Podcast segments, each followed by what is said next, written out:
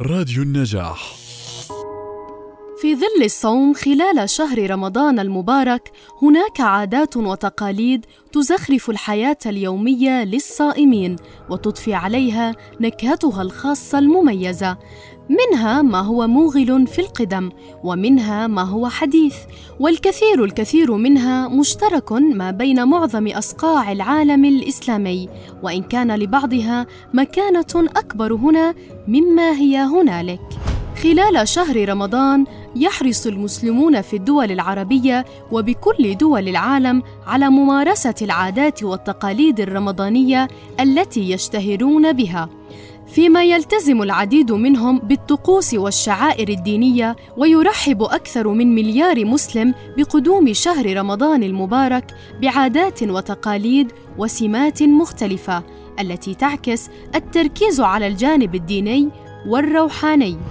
أما بالنسبة للسودان حيث يجتمع الناس فيه ويتشاركون الإفطار وتجرب كل أسرة وجبة إفطارها معها وفي حين تتناول النساء إفطارهن داخل البيوت ويحمل الرجال وجبات الإفطار في صينية ويخرجون ليتناولوه في الشارع أمام بيوتهم وتقوم كل مجموعة من الجيران بمشاركة الطعام سويا والغرض من هذه العادة إتاحة الفرصة لعابري السبيل والفقراء من تناول الطعام معهم بدون حرج.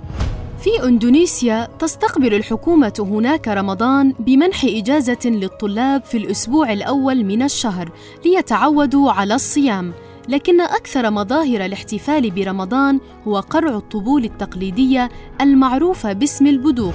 وأما في مصر إذ تعد الخيم الرمضانية إحدى أهم المظاهر المميزة لشهر رمضان في القاهرة والمدن المصرية، حيث الرقصات والأغاني الشعبية ورقصة التنورة التي تجذب السائحين من مختلف دول العالم، وهي من الفنون الشعبية المثيرة للاهتمام، والتي تكون أكثر انتشارًا في الخيم الرمضانية بمختلف الأماكن السياحية في مصر، فالسهر في الخيم الرمضانية ليلاً من أهم أهم السمات المميزة لمصر في شهر رمضان وموائد الرحمن التي تعد من مظاهر الشهر الكريم. وبالرغم من بساطتها نلاحظ إقبال الكثير من المصريين عليها. وأخيراً لنتعرف على أهم العادات في دولة المغرب تحدثنا صديقتنا إيمان. كل دولة عربية عندها عادات وتقاليد في شهر رمضان الكريم ولكن العادات والتقاليد اللي كاينين في بلد المغرب كيختلفوا كل اختلاف على الدول الأخرى. فاش كيقترب شهر رمضان كيكثر الطلب على المأكولات والحلويات المغربية في الأسواق. أما بالنسبة لمائدة الإفطار المغربية فكتختلف ما بين كل مدينة ومدينة. ولكن من أهم وأشهر الأطباق اللي كتكون في مائدة الإفطار هي الحريرة المغربية. اللي هي في الأصل حساء اللي كيتم تحضيره بالطماطم الحمص العدس والكرافس.